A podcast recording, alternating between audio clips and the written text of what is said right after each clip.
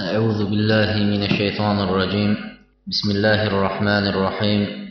إن الحمد لله نحمده ونستعينه ونستغفره ونعوذ بالله من شرور أنفسنا ومن سيئات أعمالنا.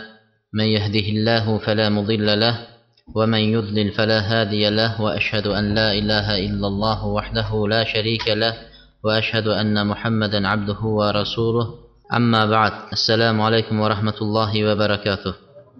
Alloh subhanahu va taoloning go'zal ismlari oliy sifatlari bilan odatdagiday bugungi shanba kungi darsligimizni alloh taolodan yolg'iz o'zining roziligi uchun bo'ladigan darslar qatorida qilishligini alloh taolo sevib rozi bo'lib qabul qiladigan darslar qatorida qilishligini va bu darsimizni davomiy bo'lishini va avvalo o'zimga qolaversa barchamizga manfaatlik darslar qatorida alloh taolo qilishligini allohdan so'raymiz.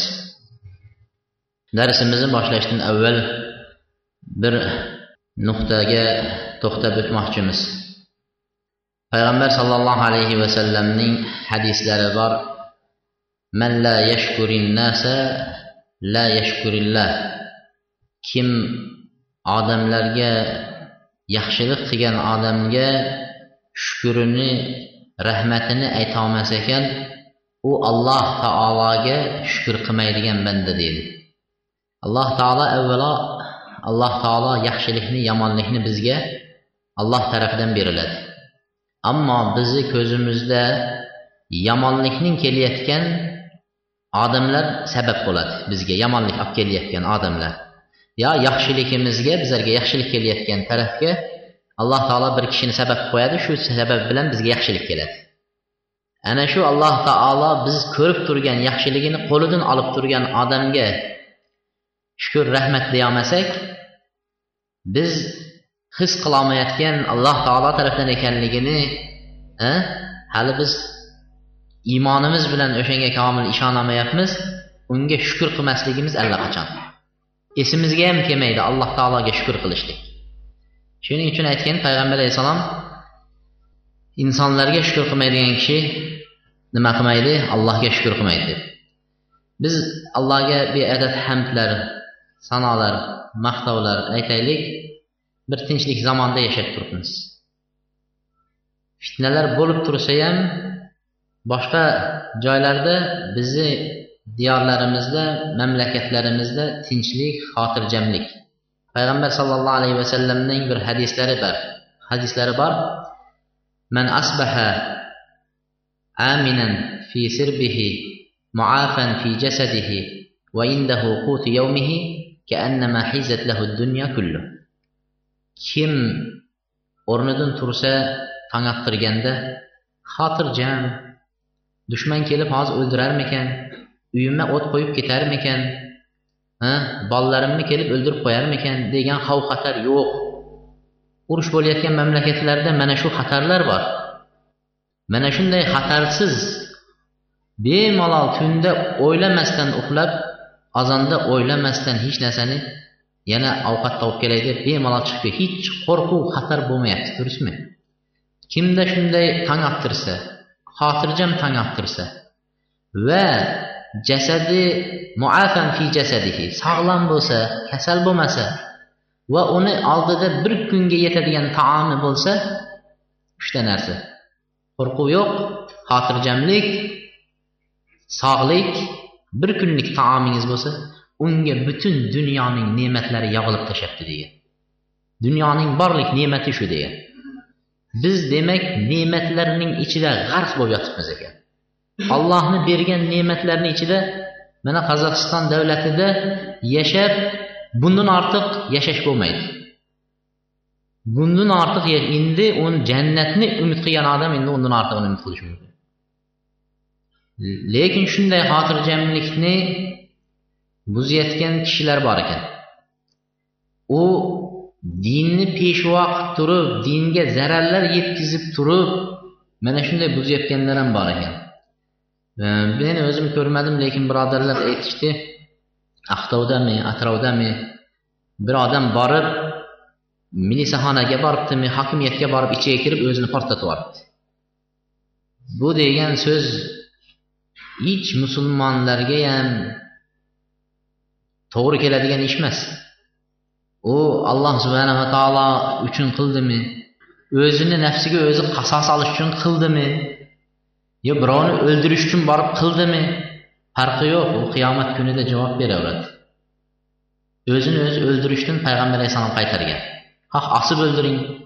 Xoh pichoqlab o'ldiring. Xoh poyezd tagiga tashlab o'ldiring. Xoh o'zingizni portlatib yuborib o'ldiring. Alloh taolo qaytargan. Kim nima bilan o'ziga qasos qilib o'ldirsa qiyomat kunida shunaqa jazo shu jazo bilan jazolanadi deydi. Buni orqasida qancha qancha nima xalqga musulmonlarga ilmsizligidan dinni bilmaganligidan xudoni tanimaganligidan shu ishni qilib turib ancha zarbalar bizlarga mana keladi. Shuning uchun alloh o'zi saqlasin. Mana shunaqa toifalar mana shunaqa to'dalar oqimlar birontasi sal shu narsaga da'vat qilayotganini biladigan bo'lsanglar tushuntirishga harakat qilinglar. Shularga tushuntirishga harakat qilinglar. Ilm bilan bo'ladi. O'zini portlatish bilan bo'lmaydi din. Rasululloh sollallohu alayhi vasallam zamonida shuncha ilm da'vat amal bo'ldi lekin qaysi sahobiy o'zini portlatdi? Ha? Bironta sahobiyni olib kelingchi mana shu sahobiy o'zini portlatib yubordi deb yo'q. Mana shu narsalarga ehtiyot bo'lishligimiz kerak. Modomiki dinimizga dunyo tarafdan nima qilsang top ana ye deb ruxsat beribdi. Dinimizda masjidlar madrasalar bizni mankentni o'zida qancha masjid hisoblab chiqishganda judayam ko'p masjid sayron rayonida ekan madrasalar ruxsat berib qo'ydi. Shuncha jamoatlarni jamlanishimizga ruxsat berib qo'ydi. Burundagi otalarimiz biladi hayit namozlariga o'qishlikka bekinib borib hayitni yilda bir marta o'qishgan. Kunda besh vaqt namozga ochib qo'ydi masjidlarni. Undan ortiq narsani talab qilishlik kufrlik bo'ladi. Undan ortiq narsani endi talab qilish kufrlik bo'ladi. Biz o'ttiz oltinchi e, bobga kelgan ekanmiz. Bab man vasala rahimahu fil jahiliya thumma aslama. Silay rahmdagi qolgan boblarni davomini yetkazib qo'ymoqchimiz. Silay rahm. Qarindosh urug'ga aloqa qilishlik bobida kelgan hadislarda to'xtaganmiz. O'ttiz oltinchi bobda johiliyatda qarindosh urug'lariga aloqa qilgan.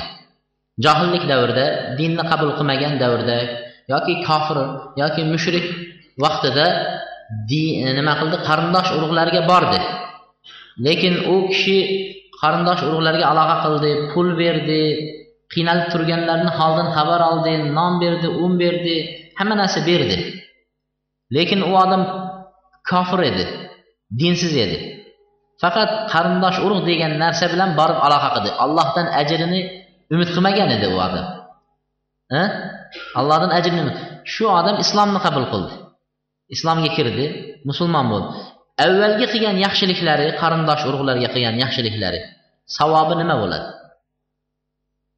Degan savol qo'yilgan. Shu temada payg'ambar sollallohu alayhi vasallamdan hakim ibn hizom roziyallohu anhu aytadilar payg'ambar alayhissalomni oldilariga keldi bu kishi. Saxovatli kishi edi hakim ibn hizom hakim ibn hizom saxovatli kishi edi. Qo'li ochiq yaxshilikni ko'p qiladigan odam edi. Payg'ambar alayhissalomni oldiga keldi ya rasululloh men johiliyat davrida dinni qabul qilmagan bir zamonda turganimda ko'p ishlar qilganman. Atahannas biha o'zimcha buni bir yaxshilik allohga yaqinlik degan maqsadda qilganman dedi. Bulardan qarindosh urug'larga aloqa qilganman qullar ozod qilganman sadaqalar berganman qarindoshlarga va begonalarga. Mana bu amallarimni savoblari nima bo'ladi ekan dedi. Endi dindan keyin musulmon bo'lgandan keyin endi alloh uchun degan amal alloh uchun qilsa savob alloh uchun qilmasa savobi yo'q. Endi bu odam o'sha o'tib ketgan umridagi hayotidagi bo'lgan voqeani so'rayapti. Savobi nima bo'ladi degan edi. Payg'ambar sollallohu alayhi vasallamga halli fiha ajr meni o'sha vaqtda qilgan ishimga ajr bormi? deb so'radi. So'raganlarida payg'ambar alayhissalom aytdilarki aslamta ala ma salafa min khayrin dedi. O'sha qilgan yaxshiliklaringiz bilan birgalikda islomni qabul qildingiz. Shular ham savobi sizga yozilaveradi dedi. Ya'ni behuda bo'lib ketmadi. Allohni mehribonchiligi. Islomni qabul qildingiz musulmonchilikni qabul qildingiz dinni bilmay yurgan odam mana islomni endi qabul qilganda qilgan gunohlari hammasi nima bo'lib ketadi? Islomni qabul qilish bilan al islom islom avvalgi o'tgan gunohlarni kechirib yuboradi. Aroq ichgan zino qilgan boshqa qilgan alloh bilan o'zini orasidagi nimalar harom ishlarni islomni qabul qilishligi bilan qattiq tavba qilishi bilan kechiradi. Ammo shu vaqtda qilgan savob amallarni ham alloh taolo yo'q qabul emas. U vaqtda sen musulmon emasding demayaptida mehribonchiligi bilan uni sizni nima? Zafas bunday aytganda xazinangizga savob unaqangizga bitib beryapti o'shan bilan birgalikda islomni qabul qilding deydi endi bu yerda ulamolarni bir so'zlari bor. Alloh subhanahu va taolo shu ko'p odamlarni nimasiga qaraydigan bo'lsangiz islomni qabul qilgan kishilarni va dinda mustahkam bo'lib qolgan multazim bo'lgan kishilarni hayotlariga qarasangiz sahobiylarni ham va boshqalarni ular dinni qabul qilishdan avval ham insoniyat degan narsa mana bizda bor. Insonga shu durust keladimi degan narsa bilan yashaydiganlar bo'lamiz islomga dinga durustmi shariatga deb aytishmaydi. Nimaga? Inson insonlikka insonparvar deganlik. Mana shu bilan yashaydiganlar bo'ladi. Ana shuni durust emas bu yaxshilik bu yomonlik deb yaxshilikni ko'p qiladigan odamlar bo'lgan. Ana shu yaxshilikni ko'p qilishligining sababidan alloh subhana taolo juda ko'pisini shundan hidoyatlaydi.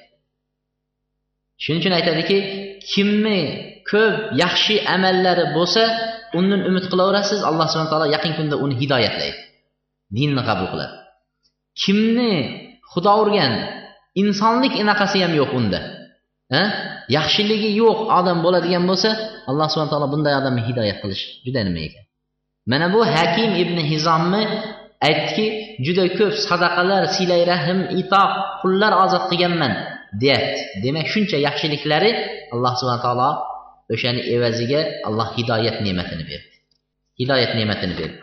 Bab silati rahmin mushrik val hadiya qarindoshingiz mushrik bo'ladigan bo'lsa unga aloqa qilishlik qanday bo'ladi? Mushrik shirk amallar qiladi. Allohga sherik keltiradi. Shunga aloqa qilishlik va unga hadiyalar berish. Mana to'ylarga borasiz to'yani berasiz qarindoshingiz mushrik bo'lsa? Shunday narsalar qilsa bo'ladimi? Yo'qmi demoqchi. Umar ibn umar roziyallohu anhu aytadi roa umar hullatan siyara. Umar roziyallohu anhu bir kuni masjiddan shunday chiqqan edi. Ba'zi rivoyatlarda masjidni ko'chasida deyishadi. Bir kiyim ipak aralashgan kiyimni ko'rdi? Chiroyli bir kiyim ipak aralashgan. Ipak ipakdan tikilgan kiyimlar erkaklarga kiyishligi payg'ambar alayhissalom man qilgan. Ipaklik kiyim shunda umar roziyallohu anhu bundan xabari yo'q. Payg'ambar sallallohu alayhi vasallamga aytdilarki ya rasululloh mana bu judayam chiroyli ekan dedi. Ipakdan tikilgan kiyim agar shuni sotib olsangiz dedi juma kunlariga shu kiyimni kiysangiz juda chiroyli bir ko'rinib turardi dedi. Va nimalar mehmonlar sizni ziyoratlaringizga kelgan vaqtlarida har davlatlardan mehmonlar kelyapti. Shu vaqtda dedi o'sha kiyimni kiyib chiqasiz mehmonlarni oldiga dedi. Deganlarida payg'ambar sallallohu alayhi vasallam aytdilarki ey umar bu kiyimni ya'ni ipakdan tikilgan kiyim oxiratdan umidi bo'lmagan nasibasi bo'lmagan kishilar kiyadi dedi. Umidi yo'q odam oxiratdan umidi yo'q odam ipak kiyadi dedilar payg'ambar alayhissalom nimaga uni erkaklarni man qildi sallallohu alayhi vasallam minha hulal. Keyin bir necha kunlar o'tib ketdi bu voqeadan. Bir necha kunlardan keyin payg'ambar sallallohu alayhi vasallamga bir kishi kiyim olib kelib hadya qildilar. Hadya qildi. Shu kiyimlarni ichida o'sha ipakdan tikilgan kiyim ipaklik kiyim ham bor edi.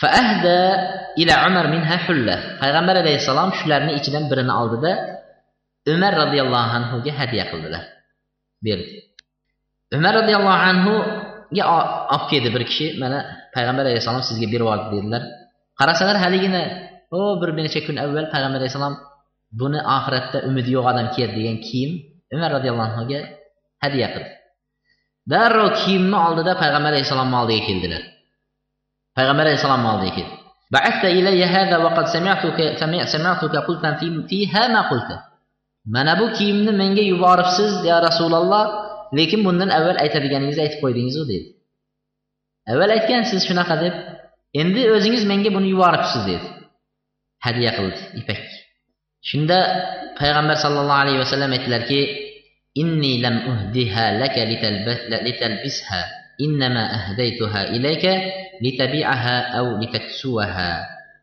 men bu kiyimni sizga kiying deb hadya qilmadim dedi. Bu kiyimni sizga kiyishlik uchun hadya qilmadim. Yo birovga yo buni sotasiz litabi'aha sotish uchun hadya qildim. Yoki bo'lmasa uni nima qilish uchun? Birovga kiydirish hadya qilishlik uchun sizga hadya qildim. Foydalanishlik uchun lekin kiyishlik uchun emas dedilar. Shunda umar roziyallohu anhu onasi bir liummihi deydi ona tarafdan bir. Bo'lgan makkada qolgan bir mushrik ukalari bor edi deydi. Hali islomni qabul qilmagan edi deydi. O'shanga hadya qilib yubordi haligi kiyimni deydi.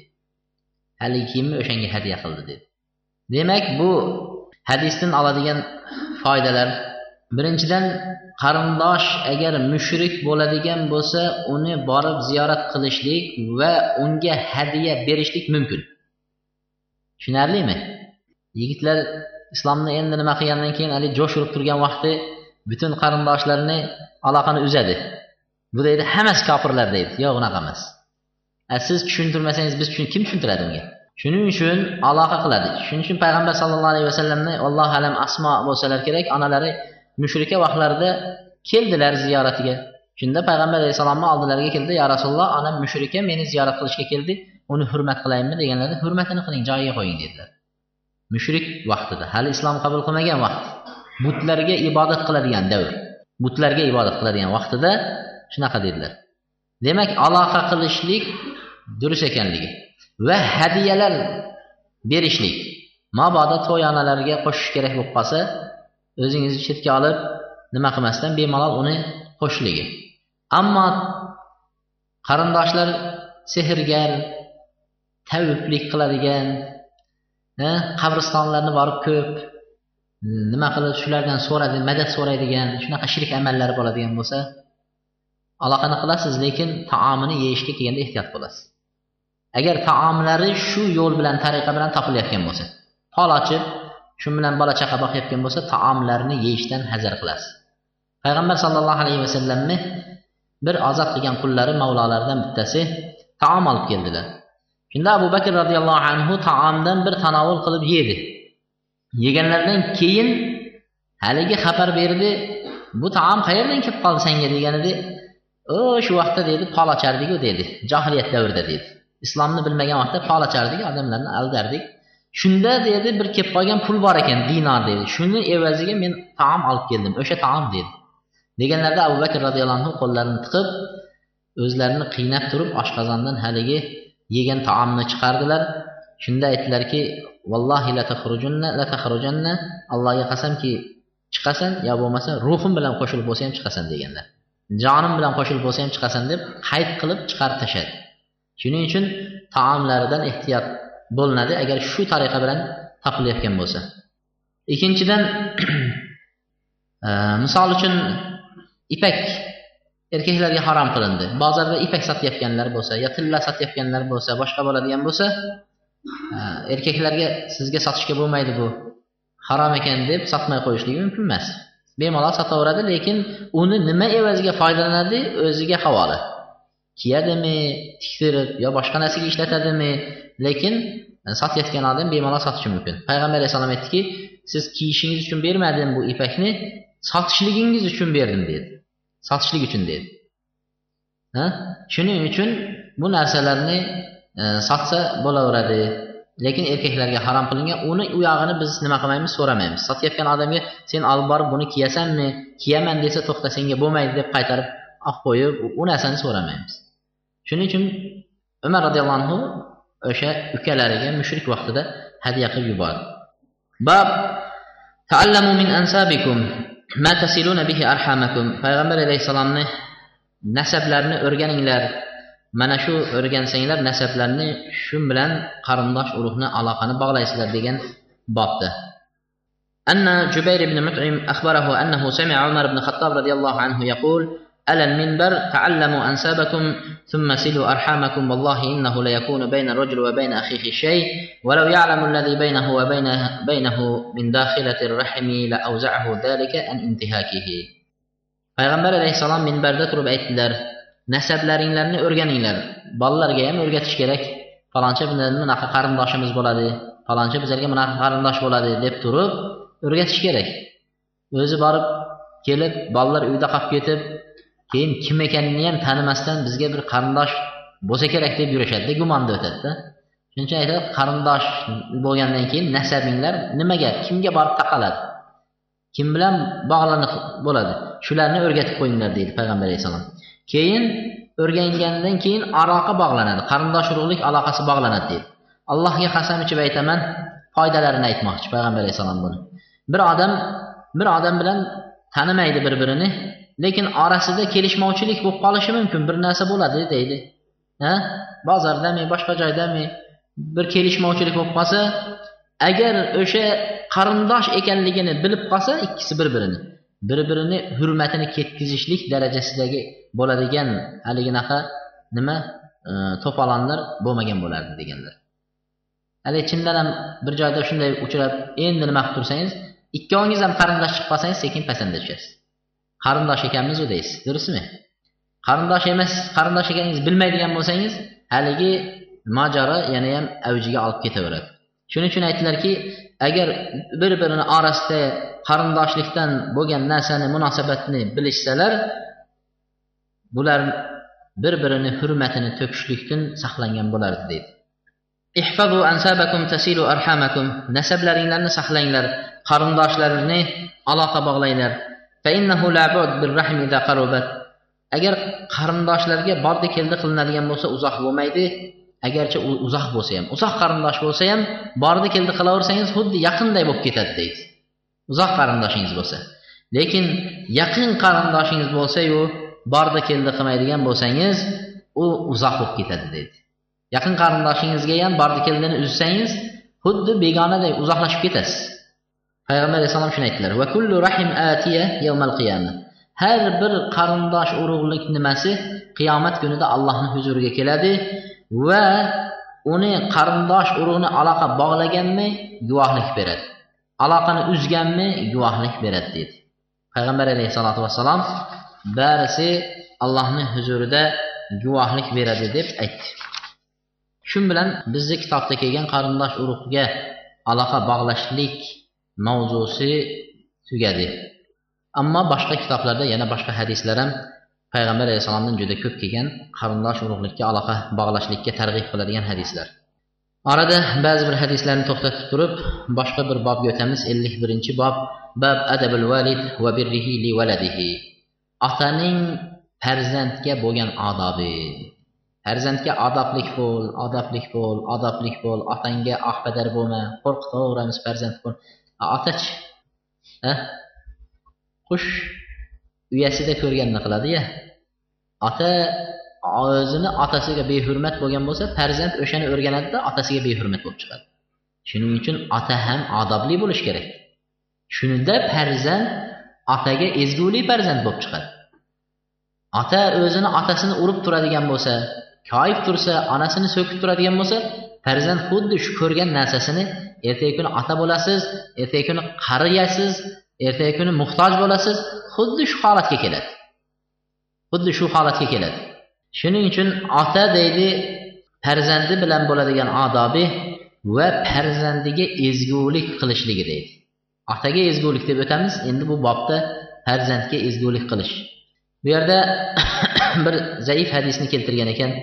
عن عن الوليد بن نمير نمير ابن أوس أنه سمع أباه يقول bu kishi dadalaridan eshitdim deydilar bu kishi aytdilar assalah minalloh insonning salohiyatli bo'lishi Allohdan salohiyati to'g'ri bo'lishligi alloh tarafidan odob berish esa ota tarafidan deganlarni eshitdim deydi odob ota tarafdan salohiyat esa uni to'g'ri farzand bo'lib chiqishligi alloh tarafidan deganini eshitdim deydi nu'man ibn bashir aytadilar anna abahu intalaqa bihi ila rasulillah nu'man ibn bashir dadalarini ko'p farzandlari bor edi lekin nu'man ibn bashir eng kichigi edi eng kenja farzand edi shunda kenja farzandni qo'llarini ushlab payg'ambar sallallohu alayhi vasallamni oldilariga olib bordi payg'ambar alayhissalomni oldilariga olib bordi فقال يا رسول الله إني أشهدك أني قد نحلت النعمان كذا وكذا ya rasululloh men sizni guvoh qilib qo'ymoqchiman. Mana bu kenja farzandim kichkina endi. Beshmi yoshmi o'n yoshmi allohu alam. Eng kenja farzandim nomon ibn bashir. Mana shunga men palon palon palon narsalarimni dunyosini aytyaptida. Palon bog'ni palon joyni palon uyni deganday palon narsalarni mana shunga men hadya o'tkazib ketyapman. Shunga hadya qildim nahaltu deydi. Atiya hadya berdim deydi shunga sizni guvoh qilib qo'yyapman ertaga kuni men o'lib ketadigan bo'lsam mabodo boshqa akalari bundan tortib olmasin. Siz shunga guvohlikka o'tasiz deyaptida. Kenja bo'lgandan keyin qo'rqyapti. Shundan keyin payg'ambar sollallohu alayhi vasallam so'radilar akulla valadika nahalta? Bolalaringni hammasiga shunga bergan narsani berdingmi? dedilar. Bunga misol falon narsa beryapsan. Bolangga ham berdingmi? Bunga falon narsa bolangga ham berdingmi? so'radilar. Shunda yo'q ya rasululloh ularga bermadim. Endi ular katta eplab seplab ishini qilib ketadi. Ha bu kichkina bo'lgandan keyin men o'lib ketsam ko'chada qolmasin deb hammasini bunga beryapman deyaptida. Ko'rdingizmi? Biz ham ehtiyotini olib qo'yamizu shu narsani qildi shunda payg'ambar sallallohu alayhi vasallam aytdilarki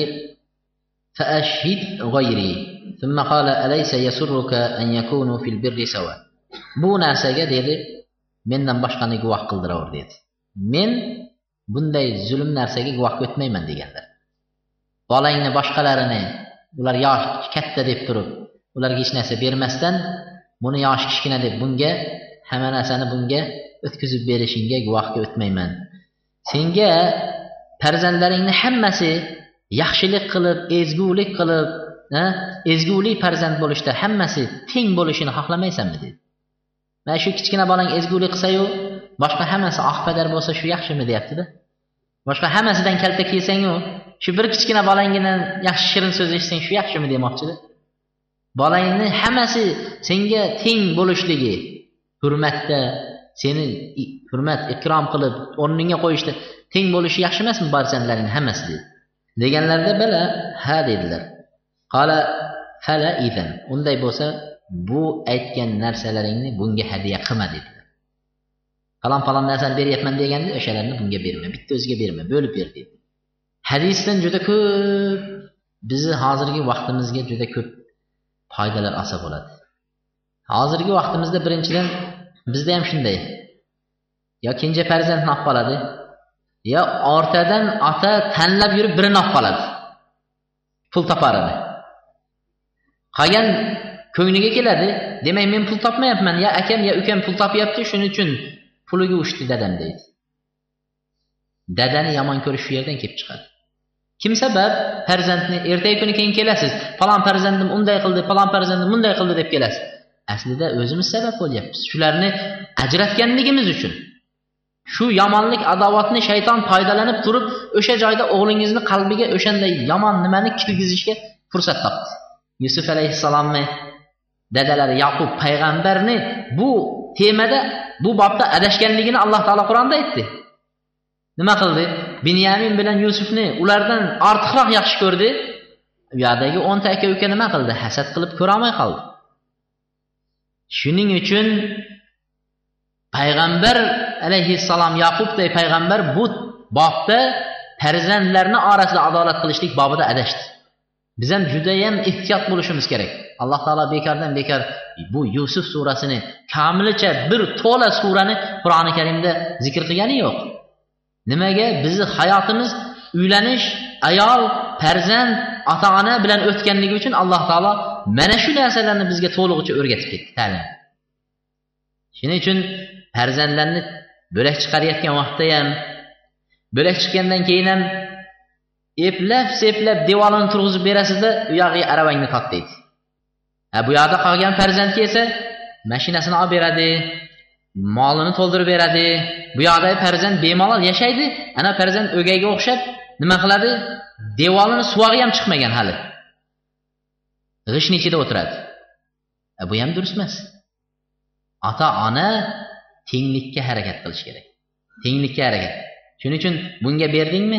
Dedi payg'ambar alayhissalom mana shunga berayotgan narsani hammasini berdingmi bularga? Yo'q men guvoh emasman bunga bunday zulm narsaga guvoh o'tmayman barobar boshqa odamning taqdiri dedi bu birinchisi. Ikkinchisi inson o'zicha bir fikrlarni o'ylashi mumkin. Durust qilyapman men deyishi mumkin. Meni ishim shu durust bo'lsa kerak deb turib sekin shu narsani bajarishi mumkin. Ha? Keyin orada judayam katta nizolar chiqib ketishi mumkin. Mana noman ibn bashir nimani o'yladi?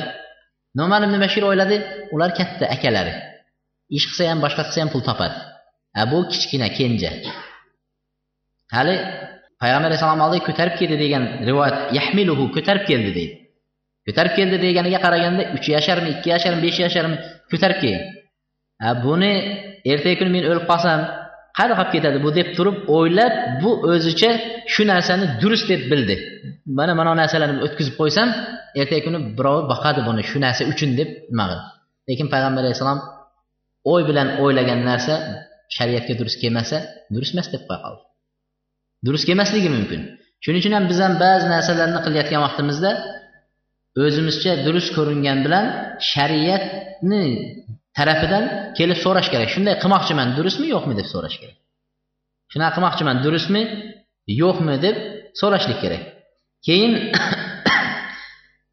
ahli ilmlarga tegadigan joyi bor bu hadisni.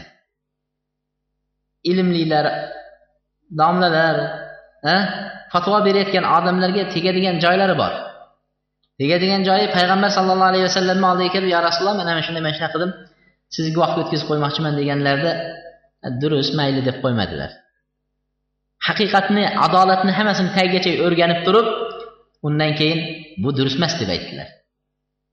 Ahli ilmlar ham ahli ilmlar ham durust emas narsani durust emas men buni qilmayman deb aytish kerakda misol nikoh o'qiyotgan vaqtlarda ko'p uchraydi. Nikohni avval bola borib qiz bilan tanishib yurib bir narsa bo'lib buzib qo'ygan. Shundan uyatga qolmaylik deb tez to'y qilib yubormoqchi. Shundan keyin tezda nikoh o'qitish kerak. Yugurib domlani oldiga keladi yo domlani olib boradi. Domla uni tagini so'rab surishtirmasdan hech narsasiga ahamiyat ham bermasdan bemalol o'tirib nikohini o'qib qaytib kelaveradi.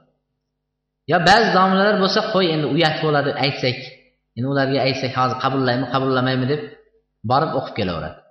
Payg'ambar alayhissalotu vassalomni oldiga olib kelib turgan vaqtda hammasiga shuni berdingmi? Yo'q deb ket dedi shariatni ushlayotgan kishilar shunaqa bo'lishi kerak. Dinni ushlayotgan kishilar shunaqa bo'lishi kerak. Dinda yo'qmi? U juda katta odam sizni huzuringizga kelsa ham men uni qilolmayman deyish kerak. Men uni qilolmayman ketavering deyish kerak. Babu birrul abli valadihi ota farzandiga ezgulik qilishlik bobida ota farzandga ezgulik qilish. Ibn umar roziyallohu anhu aytadilar innama sammahumulloh abrar. Alloh taolo sizlarni yaxshilar deb ismladi. Chunki sizlar yannahum chunki bular otalariga ezgulik qilardi va bolalariga ezgulik qilardi deydi. Otalariga ham ezgulik qilgan farzandlarga ham ezgulik qilgan. Kama enna li valadika validika alayka haq otangizga sizni tepangizda qanday haqqi bo'ladigan bo'lsa otani farzand tepasida haqqi. Qanday bo'lsa farzandning ham otaning tepasida shunday haqlar bor deydi shariatda. Otaning qanday haqqi bo'ladigan bo'lsa farzandning ham otaning tepasida shunaqa haqlari bor deb payg'ambar alayhissalotu vassalom aytdi. Biz farzandni otaning tepasidagi ba'zi haqlariga to'xtamoqchimiz. Farzandni otani tepasidagi ba'zi haqlariga to'xtamoqchimiz. Bu darsimizdan tashqari. Farzandning haqlari. Bu yerda bir kishi deydi ibn umar roziyallohu anhuni oldilariga farzandini oqpadarligi otasini hurmat qilmasligi oqpadar ekanligi haqida shikoyat qilib keldi deydi ibn umar ibn hattobni oldiga keldilar. Istada umar ibn umar ibn hattob haligi aytdiki o'g'lingizni ham olib keling dedi. O'g'lini olib kelgan vaqtlarida umar ibn hattob bilamiz jahllari tez. Shunday hassolarini oldida yog'ochni olib haligini odob berib qo'ymoqchi bo'ldi. Otani oqpadar bo'ladigan otaga ko'z tikib til uzatib qo'l uzatadigan farzand senmiding deb turib hali umar ibn attob o'zlarini tutolmasdan hassoni yog'ochni oldi. Olganlarida haligi bola aytdiki qanday otangga oqpadar bo'lding nomard? deb endi qo'lini ko'targanlarida aytdiki ya amiral mo'minin to'xtang dedi. Ey amiral mo'min to'xtang. Shunda ala rislika shoshilmang dedi.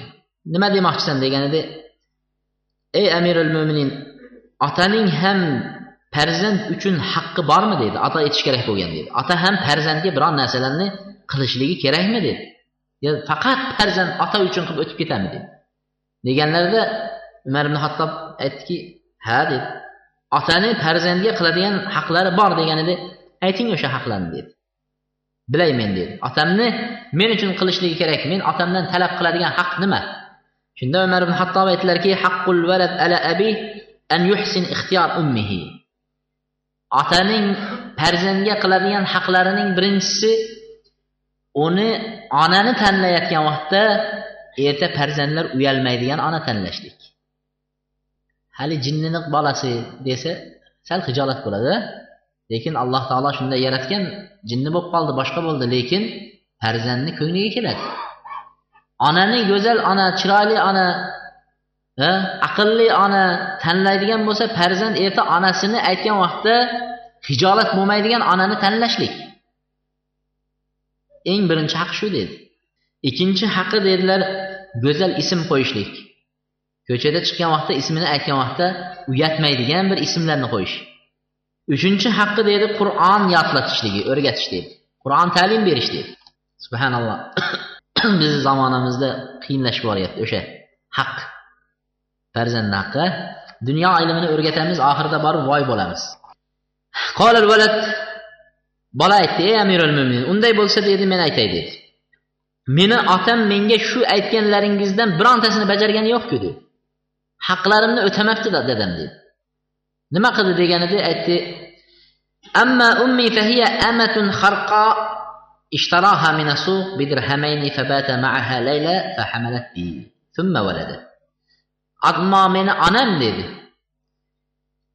o'zi cho'ri bo'lgan qul cho'rilardan dadam bozorga chiqqan ekan sotilayotgan ekan ikki dirhamga sotib olib olib kelib shu bilan bir tun bo'ldida men homilador onam homilador bo'libdi menga dedi shu bilan men tug'ilib qolganman dedi bu ixtiyor qilib bir farzandni erta tug'iladigan degan narsa o'yga ham kirib chiqqani yo'q dedi. Mana shunday dedi. Ikkinchi dedi meni endi homila bo'lib tug'iladigan bo'lganimdan keyin dadam shunday yomon ko'rgan ekan tug'ilishimni xohlamagan ekan deydi shundan keyin haligi jo'la deb ism qo'ygan. Jo'la degani allohu alam tezaklar qurtlab ketgan vaqtda ichidan chiqadigan qurtni aytar ekan. Shuna bir shunaqa bir yomon jirkanchlik bir ismni qo'yishgan. Jo'la deb ism qo'ydi. Va qur'ondan biron narsani menga o'rgatgani yo'q dedi. Deganidan keyin faltafata umar ilal ab umar ibn hattob roziyallohu anhu dadalariga qarab aytdiki allohga qasamki sen farzanding senga oq bo'lishdan avval sen farzandingga oq bo'lgan ekansan dedi. Farzanddan avval sen oq bo'lib bo'lgan ekansan deb umar ibn hattob farzandga dadalariga aytdilar. Shuning uchun farzandning yuqorida aytganimizdek haqlari birinchisi nasab. Nasab. Nasab yoshlar shoshqaloqlik qilishib qiziqqonlik qilishib nima qiladi? Sabr qilmasdan quda bo'lganidan boshlaboq yo borib buzuqlik qilib qo'yadi. Yo bo'lmasa nikohsiz farzand tug'ilib qoladi. Nasabini to'g'ri durust bilib nikoh bilan bo'ladigan nasab bu eng to'g'ri tanlangan narsa bo'ladi. Ertagi farzand tug'ilgan farzand harom suvdan tug'ilgan farzand bo'lmaydi. Nikoh bilan guvohlar bilan halol suvdan tug'ilgan farzand bo'ladi. Undan yaxshiligini kutsa bo'ladi. Nasabi durust odamdan yaxshiligini kutsa bo'ladi. Ikkinchisi farzandning e, ota din talab qiladigan haqlari solih soliha soliha onani tanlashligi. Hozir yuqorida aytganday onani tanlayotgan yigit ertaga shundan farzandlar tug'iladi farzandlar ham hijolat bo'ladigan ayolni tanlamas kerakda. Ayolni tanlayotgan vaqtda durust ayol tanlashlik. Shuning uchun payg'ambar sallallohu alayhi vasallamni bir hadislari keladi. Tunkahul mar'a li arba'a. Ayol kishi to'rt narsasiga qarab nikohlanadi deydi. Ayol kishi nikohlanayotganda to'rt narsasiga qaraladi degan. Lizatiha zoti kimlarga borib taqaladi? Nasabi kimlarga borib nasabi qanaqa? Va uchinchisi jamoli go'zalligi qanaqa? To'rtinchisi dini qanaqa deb to'rtta narsaga qaraladi deydi payg'ambar alayhissalom. Endi albatta hammasiga qarashlik shart. Jamoliga ham nasabiga ham zotiga ham moliga qaraydi deydi. Keyin diniga qaraydi. Diniga qaraydi. Payg'ambar alayhissalom oxirida aytdi dindorini tanlang siz shularni ichida. Shularni ichida dindorni tanlang. Agar shunday qilmaydigan bo'lsangiz qo'lingiz turpoqqa belansin dedilar. Nima degan? Moldor puli bor ayolni tanlaydigan bo'lsangiz erta ikki kunni birda aytadi meni pulim bilan yashayapsizu deydi. Unaqa ayolga uylangandan yelkaga kostyumni solib chiqib ketganingiz yaxshida. Esingizdan chiqdimi deydi mana pullar deydi mana uylar deydi. Ayol kishi tez nima qiladi? Ko'rnamaklik qiladi. Shuning uchun payg'ambar alayhissalom aytdiki takfurnal ashir dedi kuyovlaringlarga kofirlik qilasizlar dedi shunda ya rasululloh bizni kuyovlarimizga qiladigan kofirligimiz nima? degan edi. Ming yaxshilik qilsayu kuyovlaringlardan ming yaxshilikni ko'rsanglar bir marta yomon so'zni eshitsanglar sendan biron yaxshilik ko'rmadim deb aytasizlar deydi. Mana shuni o'zi kofirlik emasmi deydi. Ming yaxshilikni qilsayu bir marta yomon gapirsa yo bir shapaloq qo'yib qolsa yo bir qo'pol so'z aytib qolsa a? Yo bo'lmasa o'zingiz ayt sinab ko'rishingiz mumkin ayolingizni oldiga borib men yana bir uylanmoqchiman deb ko'ringchi nima bo'lar ekan. ayolingiz ya dada sizdan shuncha yaxshilik ko'rdim. Bu ham bir yaxshilik deymi? A bu ham bir sizni yaxshiligingiz. Ishonmaysiz bunga bo'ldi hammasini kompyuterdan o'chadi. E, Aytadi sizni hech yaxshilik ko'rmaganman deydi. Bu ham o'sha yomonliklarni biri deydi. Shunaqa degan payg'ambar alayhissalom shuning uchun moldoriga uylangan odam voy bo'ladi. Jamolga qarab uylangan odam go'zal ekan deb turib haligi ketib yuborgan ekan bo'ldi shu bo'lsa ham bo'lmasa ham deb uylansa ikki uch farzand tug'ilgandan keyin go'zallik ketadi. Yoki bo'lmasa umr o'tib qarilik kelgan bilan kelishilik bilan go'zallik ketadi. Mana shunday. Diniga qarab uylangan odam doim yutadi. Din dindor ayol yana sizni rozi qilishga harakat qiladi.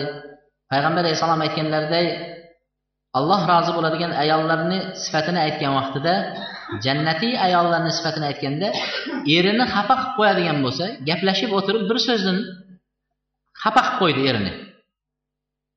Ertamangachayin oyoq qo'llarini ushlab yalinib mendan rozi bo'ling deb turadigan ayol degan bu jannat ayol degan dindor ayol shunaqa bo'ladi. Lekin bunaqa ayollar bo'ladigan bo'lsa ketsang ketaver. Chiqsang chiqaver deydi. Hech sendan rozilik boshqa xudodan qo'rqish bo'lmaydi. Shuning uchun dindorini tanlang deydi. Payg'ambar alayhissalom. Demak ayolni yaxshi soliha ayollarni tanlashligi. Mana abdulloh ibn muborakni juda ko'p aytganmiz zikr qilib aytib ketamiz. Abdullohning dadalari abdulloh ibn muborak turkmanistonni marv shahridan chiqqan muhaddis olimlardan alloma zohid muhaddis taqvodor kishilarni biri. Bu yer yuziga hadis ilmini tarqatgan va turkmaniston shahrini nimaga butun olamga tanitgan kishi shu kishi. Turkmaniston. Arab mamlakatlari va yer yuzidagi hadis ilmini o'rganayotgan musulmon davlatlarda qayerdan taniydi? Abdulloh ibn muborak desa turkmanistonni biladi mana bu kishining shunchalik muhaddis odam dadalarini aytadi bir qul bo'lgan deydi. Muborak bir qul bo'lgan. Shunda birovning do'konida e, birovning bog'ida birovning bog'ida haligi bog'ida bog'bon bo'lib ishlayapti. O'zining xo'jayinni bog'ida. Necha yillar shu yerda ishlagandan keyin bir kuni bog' bog'ning egasi xo'jayini mehmon bilan bog'ga keldi. Shunda muborak chaqirdi bir shirin mevalardan keltiring deganida bordida go'zal pishib turgan mevalarni olib olib keldi endi bunday yeb ko'ruvdi nordon achchiq meva. Shundoq chaqirib turib yana yaxshi bir shirinini olib keling dedi. Bordi yana bir mevalarni uzib olib keldi yana nordon. Shunda muborakni chaqirib aytdiki ey muborak siz shuncha yildan beri ishlaysiz shu yerda bog'bonsiz lekin mevalarni achchiq chuchugini bilmaysizmi siz? deydi qanaqa bog'bonsiz deb so'raganda siz menga faqat bularga qarashlik daraxtni qirqishlik tagiga o'g'it solishlik sug'orishlikni buyurgansiz lekin mevasidan ye degan emassiz dedi. Shu vaqtgacha men tam tatib ko'rganim yo'q dedi. Taqvo qarang taqvoni. Biz birovni bir joyga ishga kiradigan bo'lsak oylig'i pastroq ekan lekin bu yoqdan bir joyi eplab seplab buyog'i bor ekan deymiz. Olib keladigan joy bor ekan deymiz. Oylik yetmasa ham yog'idan hamallab ketadi. Bu kishi nima qildi? Ye deb aytmagansiz yeganim yo'q tan totib ko'rganim yo'q dedi. Shunga qiziqib haligi odam qiziqni ko'rdingizmi? Ozod qilib yubordi qizlarini nikohlab berdi. Kim u? Nasabi past. Falondaqa. E, bolasi mayli o'zi o'qigan bo'lsa nima qilibdi deymiz bizlar o'zimizga o'xshagan o katta kattalarni izlaymiz qulni o'zini qo'lida ishlayotgan bog'da ishlayotgan qulga hozir biz molxonamizda ishlayotgan bir molchimizga qizimizni bermaymiz. Ha? O'zimizni katta tutamiz. Din unaqa emas edida shariat unaqa emas edi. Insonni qalbidagi kibrni o'ldirib tashlagan. Kimni qalbida bir zarracha kibr bo'lsa jannatga kirmaydi degan payg'ambar alayhissalom shunaqa edi din. Biz hozir dinni boshqacha tushunib oldik. Din yuzimizga qarab mashinamizga qarab mingan narsalarimizga qarab pulimizga qarab muomala qilinadigan bo'lib qoldi dinimiz. Ana shuni aytdiki qizini berdilar. Shundan muborakdan haligining qizidan tug'ilgan bola abdulloh muhaddis olim bo'ldi. Katta olim bo'lib yetildi. Ko'rdingizmi?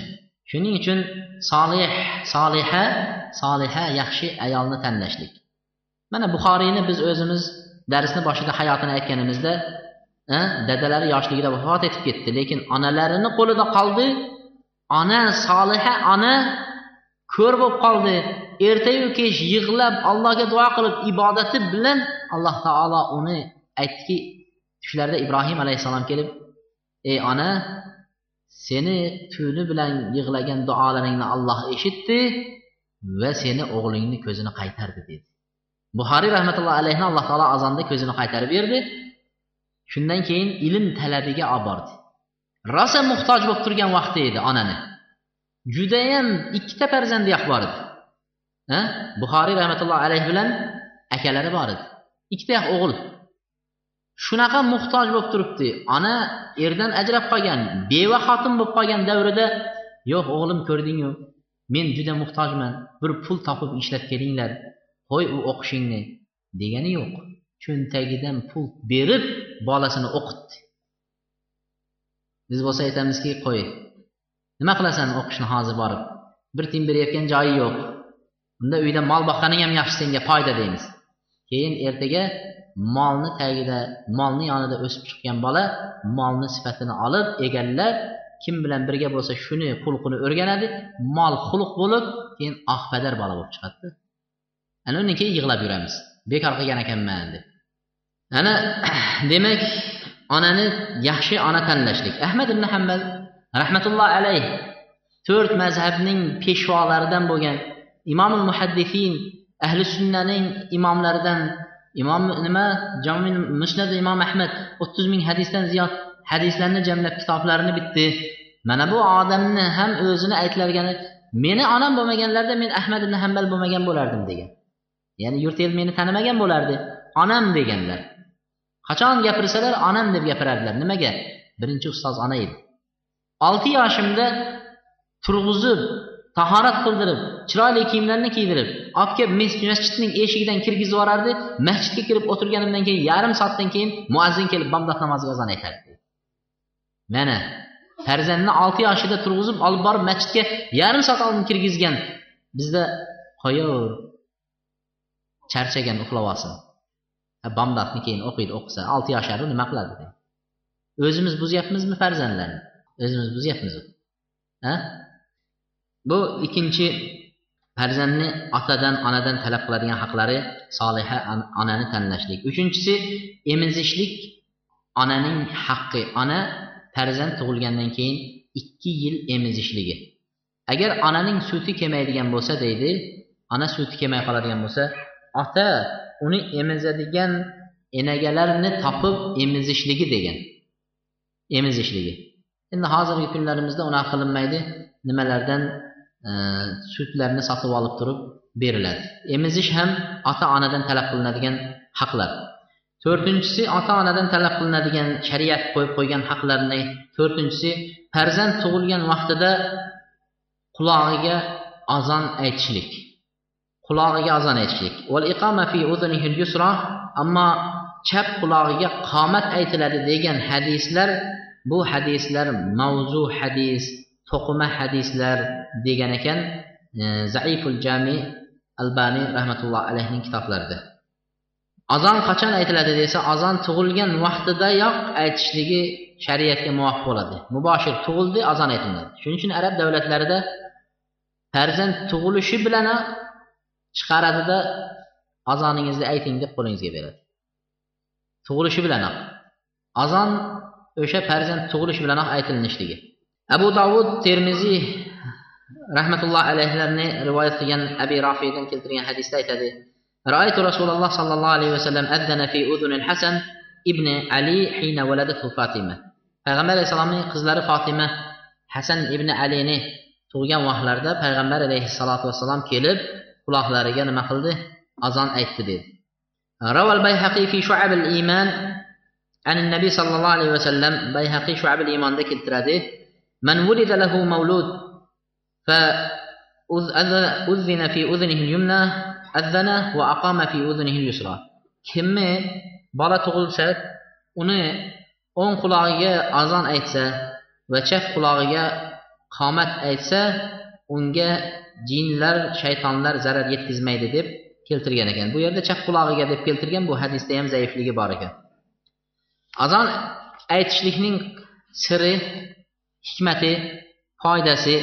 Ibn qayim rahmatulloh alayhi tuhfatul mavludda mavdud tuhfatul mavdud degan kitoblarda aytadiki birinchi foydasi insonning qulog'iga dunyoga kelishi bilan eng birinchi eshitadigan kalimalar allohning kibriyosi buyukligi ulug'ligi eng buyuk zot alloh ekanligi allohning azamatli ekanligi va biha fil islam. Musulmon odam birinchi bo'lib islomga kiradigan kalima la ilaha illalloh muhammadu rasululloh kalimasini dunyoga chiqishi bilan shu kalimani eshitishligi degan ekan. Xuddi dunyodan oxirgi marta chiqib ketayotganda ham la ilaha illalloh deb talqin qilib turadi. O'layotgan odam la ilaha illalloh bilan o'tadigan bo'lsa uning oxiri kalimasi la ilaha illalloh bo'lsa jannatga kiradi degan shu dunyoga kirishi ham birinchi la ilaha illalloh bilan chiqishi ham shu bilan bo'lsin degan umidda birinchi aytiladigan kalima shu deydi. Va yana foydalardan shayton insonni kelib o'sha tug'ilgandanoq allohni yo'lidan uzoqlashtirmoqchi bo'lib harakat qiladi. Shaytonning da'vati uning qulog'iga kelishdan avval allohga bo'lgan da'vat la ilaha illallohga bo'lgan da'vat islomga bo'lgan da'vat birinchi eshitilsin shu bolaga deb turib shuning uchun azon birinchi qulog'iga aytiladi deydi. Uchinchidan hurubu shayton min kalimatil azan.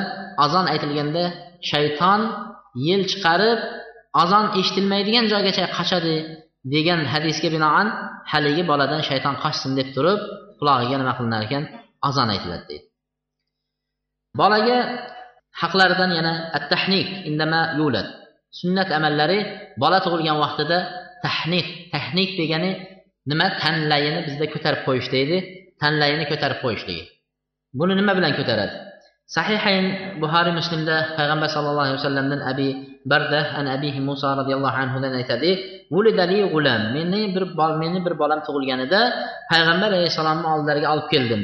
Payg'ambar alayhissalotu vassalomdan ism qo'yishni so'radim deydi shuning uchun haligi ba'zi odamlar ism topolmayapsa faqat kinolarda ko'rgan ismlar xayoliga kelib yotsa e, yoki bo'lmasa e, seriallar boshqa bir musulmoncha ism topolmayapsa ahli ilmlarni oldiga olib kelish kerak. Mana olloh berdi ne'mat eng katta ne'matni berdi. Qancha odamlar mahrum farzand ko'rolmay o'tayotganlar bor a uni ne'matini shular biladi. Farzand ne'matini bu farzand oddiy shunday tug'ilib qolgan odam uni farzandni haqiqiy ne'mat ekanini bilolmaydida. Shuning uchun og'ziga kelgan otni xayoliga kelgan otni qo'yib yuboraveradi. Yo'q olloh sevadigan otlardan topolmasa olib kelish kerak. Payg'ambar alayhissalomni oldiga olib bordim deydi. Olib borgan edim payg'ambar alayhissalom ibrohim deb ismladilar deydi dada bobolari. Payg'ambar alayhissalom o'zini bobolarini ismini qo'ydi. Ibrohim deb ismladilar. Va hannakahu bitamr xurmoni so'rib shuni nimalarini olib xurmoni shirinligini olib turib tahnik degani og'iz tishlarini bunday bunday mulklari tish chiqmagan bo'ladi. Mulkini bunday qilib tanlaylarni sal sal ko'tarib qo'yishni aytadi. Tahnik deb. O'sha bilan nima qilib qo'ydi? Tegizib qo'ydi. Buni nimalari? Bolani mulklarini sal sal tegizishligi emlayotgan vaqtda onani nima qilmasligi qiynalmasdan emishligi ham foydasi bor shuning uchun tahnik qildilar. Uchinchisi unga baraka bilan duo qildi. Duo qildi. Yaxshilik bilan duo qilib meni qo'limga qaytarib berdi. Shuning uchun farzand tug'ilgan vaqtda solih kishilarni duolarini olishligi farzandlarini haqlariga solih kishilardan duo qildirishliklari tahnih qildirishliklari ism qo'yishlikda yordam olishlari ism qo'yib berishni so'rashliklari mumkin ekan. Istihbab hal rasil mavlud. Beshinchidan yo to'rtinchidan bolaning sochlarini olishligi tug'ilgan bolani.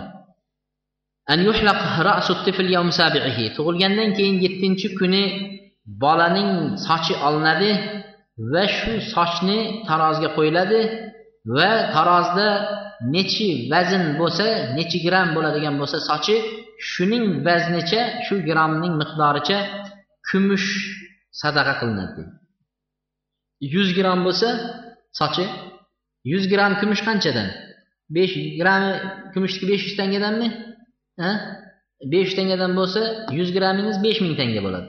Durustmi? Besh ming tangani sadaqa qilasiz. Bozorga chiqib kumush qancha deb so'raysiz. Oltin sotayotgan kumush sotayotganlardan ana ana shuni grammini qancha ekanini bilib olib bolani sochini taroziga qo'yasiz yetti kundan keyin.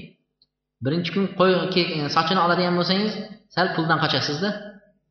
Kam bo'lib qoladi. Yettinchi kuni yettinchi kuni olinadi dedi.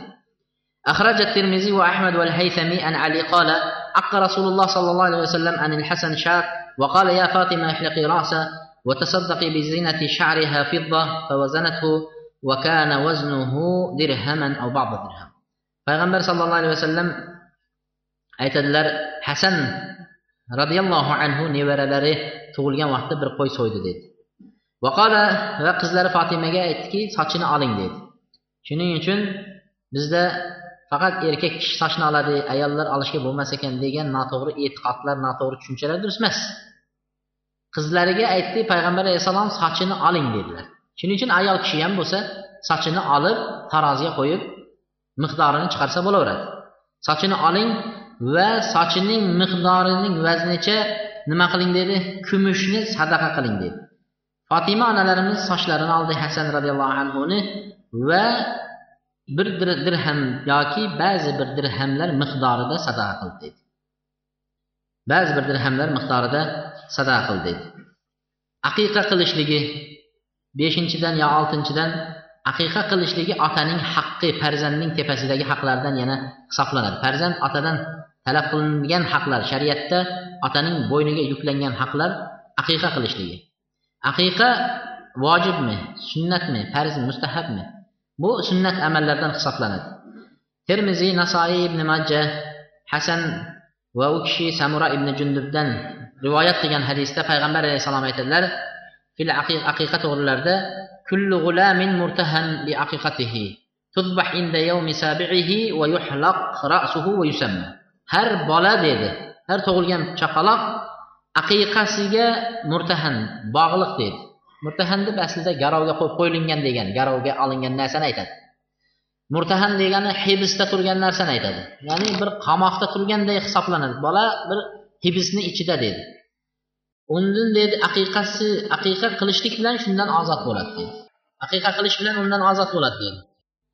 Yettinchi kuni qo'y so'yiladi aqiqasi shu qo'y so'yishligi. Yettinchi kuni qo'y so'yiladi va sochi olinadi va ism qo'yiladi dedi. Ismni yettinchi kunigachayin bemalol shoshmasdan tanlab qo'ysa bo'laveradi.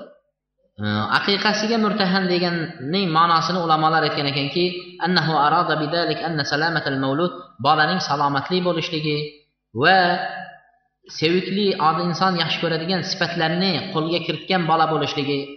Farzandingiz qanaqa bola bo'lib o'sishini xohlaysiz? Ana shunday bola bo'lib yetilishligi qilayotgan aqiqangizga bog'liq degan ekan. Agar aqiqa qilgan bo'lsangiz farzand salomatli. Siz xohlagandaqa allohdan duo qilib so'ragandaqa farzand olloh beradi. Agar aqiqa qilmagan bo'lsangiz farzand siz xohlagandaqa sevadigan farzand bo'lmaydi deyishgan ekan. Ikkinchidan ba'zilar aytgan ekanki aqiqasiga bog'liq degan so'zni aytishgan. Mana ahmad ibn hambal va undan boshqalar aytyaptiki farzand solih farzand bo'lsa qiyomat kunida shafoat maqomi berilsa dedi. Shafoat maqomi nima? Shafoat maqomi qiyomat kuniga borgan vaqtida har inson o'zining qilgan amallarini hisob kitob bo'ladi. Hisob kitob. Shunda ba'zi bir savoblarga muhtoj bo'lamiz jannatga kirish uchun. Jannatdan to'siq bo'lib turibdi bir gunohlarimiz sababli. Jannatga kirolmay turibmiz. Shu vaqtda alloh subhanava taolo shafoat qilishlikka bizga ba'zi bir o'tganlarni nima qilish mumkin ekan? Izn berish. Misol farzandingizdan ikkisi uchisi chaqaloqlar o'lib ketgan bo'lsa o'shalarni ruxsat berar ekan dadangni onangni shafoat qil. O'rtaga tushib mana shularni olib kirib ketaqa deb shularga ruxsat beriladi. Yoki bo'lmasa farzandingizga qur'on ta'lim berib turib qori alloma qilib qo'ygan bo'lsangizu qiyomat kunida o'shanday holatda turgan vaqtda haligiga ruxsat beriladi shafoat qilishga. Shuni jannatga kirishlikka o'sha sababi bilan kirgizishga ruxsat berar ekan alloh taolo. Ana shunday bo'lib turgan o'rinda deydi. Aqiqa qilmagan bo'lsa o'sha to'siq bo'ladi. Farzanding san o'rtaga tusholmaydi. San unga haqqini ado etmagansan aqiqasini qilmagansan qo'y so'ymagansan mahrum bo'lib qolar ekansiz. Shuncha narsadan mahrum bo'lar ekan. Qiyomat kunidagi farzandning yaxshiligidan mahrum bo'ladi. Al yustahabbu fihi aqiqa aqiqa so'yilishligi mustahab bo'ladigan vaqtlar agar imkoni bo'lib qo'lida puli bo'lib yoki qo'yi bo'lib so'yadigan qo'ylari bo'lsa yettinchi kuni so'yishligi sunnatga muvofiq bo'ladi. Agar unga qodir bo'lmaydigan bo'lsa mana bu yerda qolal maymuni qulti li abi abdullah mata yuaq anil g'ulam amma aisha roziyallohu anha taqul sab'atu ayyam. Yetti kunligida bo'lmasam o'n to'rt kunligida unga ham qodir bo'lmasa yigirma bir kunligida aqiqa qilishligi sunnatga muvofiq deydi. إمام مالك رحمة الله عليه اعتذره والظاهر أن التقييد باليوم السابع إنما هو على وجه الاستهباب وإلا فلو ذبح عنه في اليوم الرابع أو الثامن أو العاشر أو ما بعده أجزحت الأقيقة يتن شكون قلش لي سنة يا لكن سكزن شكون سويسة تقزن شوان شكون سويسة. بلا ورد ديگن اكن بلا ورد. ويام اتدي جايز قلنسا بلا ورد ديگن اكن اگر بر الغيب الغيب لكن اوزي عقيقة قلن ما قلن بلده katta bo'ldik hozir bizni nimamizda? Aqiqa qilinmaganligini bilsa qo'y so'yilmaganligini bilsa o'ziga aqiqa qilsa bo'ladimi degan ekan. Ba'zilar aqiqa qilishlik hojati yo'q degan lekin ba'zilar o'ziga atab aqiqa qilsa ham bo'laveradi deyishgan ekan. Buni hasan al basriy rahmatulloh alayhi aytgan ekan. O'ziga ulg'ayganidan keyin katta bo'lgandan keyin aqiqa qilsa bo'ladi degan. Hal aqiqa aqiqada erkak bilan ayollarga qilinadigan o'g'il bola bilan qiz bolalarga qilinadigan aqiqalar bir xilmi deydi.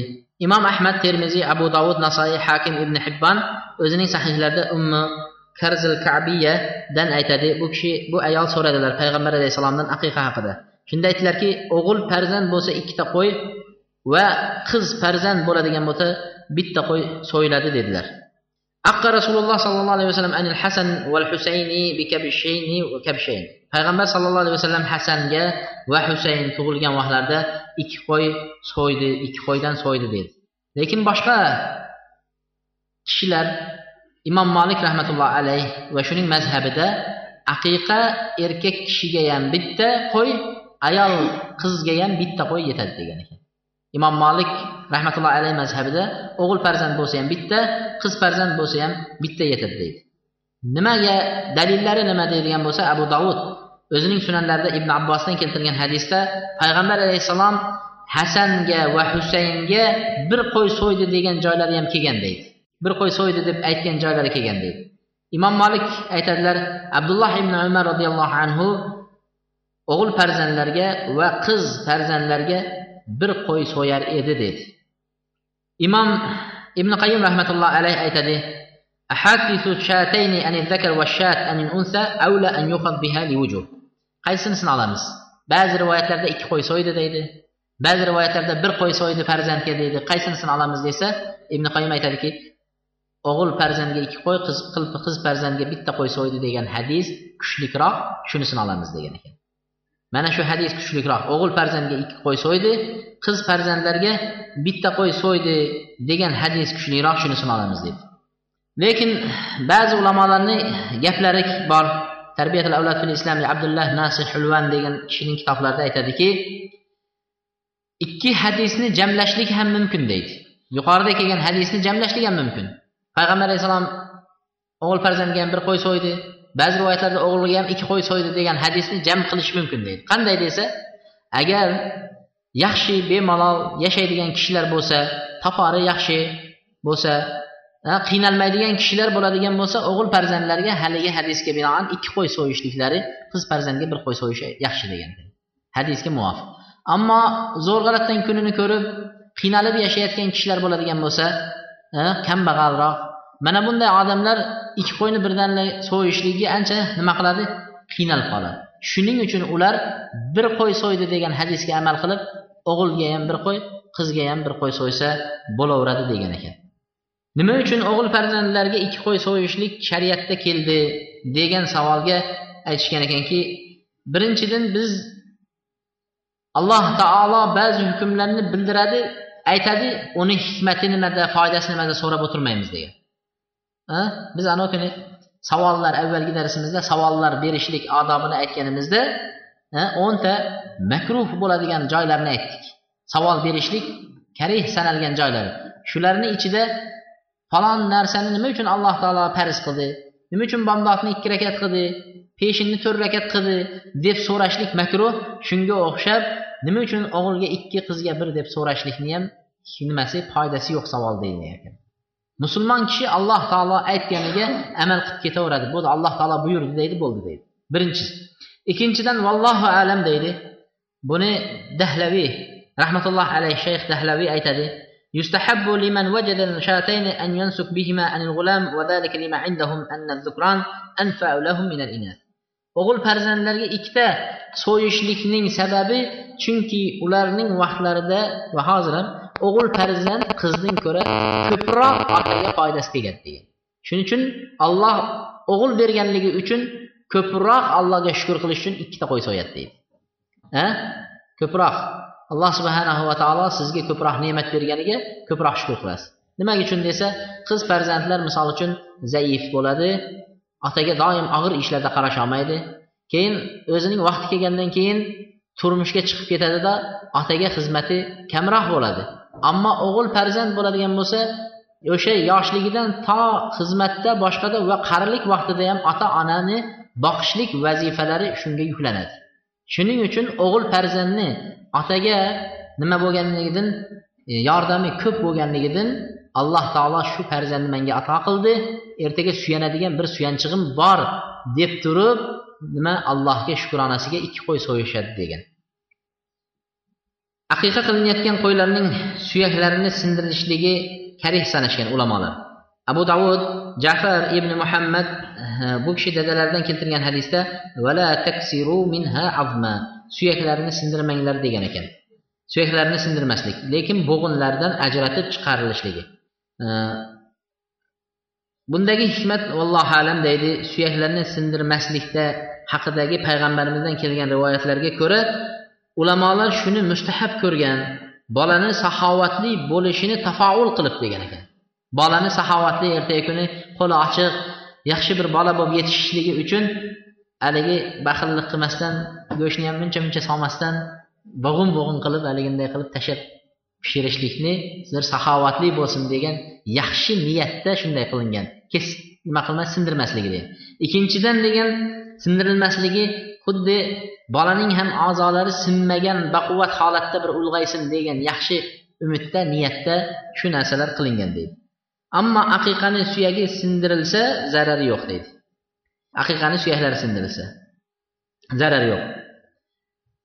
Aqiqada sheriklik qilishlik mumkinmi mumkin emasmi aqiqa xuddi qurbonlik qilganda sherik bo'lishadi tuyaga molga sherik bo'ladi. Shunga o'xshab aqiqaga sherik bo'lishligi mumkinmi mumkin emasmi desa aqiqada sheriklik durust emas deydi e, durust emas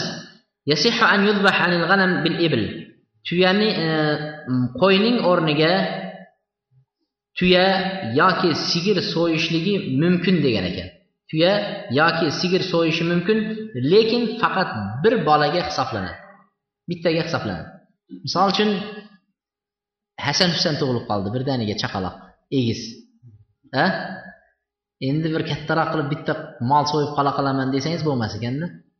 Ikkita mol so'yishingiz kerak bo'ladi. Yoki bo'lmasa to'rtta qo'y so'yishingiz kerak bo'ladi. Haligi bitta nimaga har bittasiga alohida bo'ladi. Ikkisi sherik bo'lolmaydi. Bitta tuya yoki bitta qo'yga. Qo'shqor bo'lishligi shartmi yoki bo'lmasa qo'y e, urg'ochi qo'ylarni bo'laveradimi desa bo'laveradi degan ekan. Qo'shqor bo'lishligi shart emas degan ekan. Ammo qo'shqor bo'lsa afzal. Tuya so'yishlikka anas ibn malik roziyallohu anhu aytadiki u kishi farzand tug'iladigan bo'lsalar tuya so'yib xursand bo'lganligidan tuya so'yib ehson berardi deydi. An abi bakra annahu nahara an ibnihi abdurahmon jazur abi bakra o'g'illari abdurahmon tug'ilganlarida tuya so'yib ahli basraga taom yedirdilar deydi. Mana shu vallohu alam aqiqa to'g'risida kelgan ba'zi ma'lumotlar bu 6-cı atadan tələb qıladigən, pərzəndini tələb qıladigən haqları. Yəni bu yerdə bəziləri qaldı. Allah nəsib qısa keyingi dərsimizdə nihayəsə yetkizib qoyamız inşallah. Subhanəkə Allahumma və bihamdik, əstəğfirullah və atubu iləyk.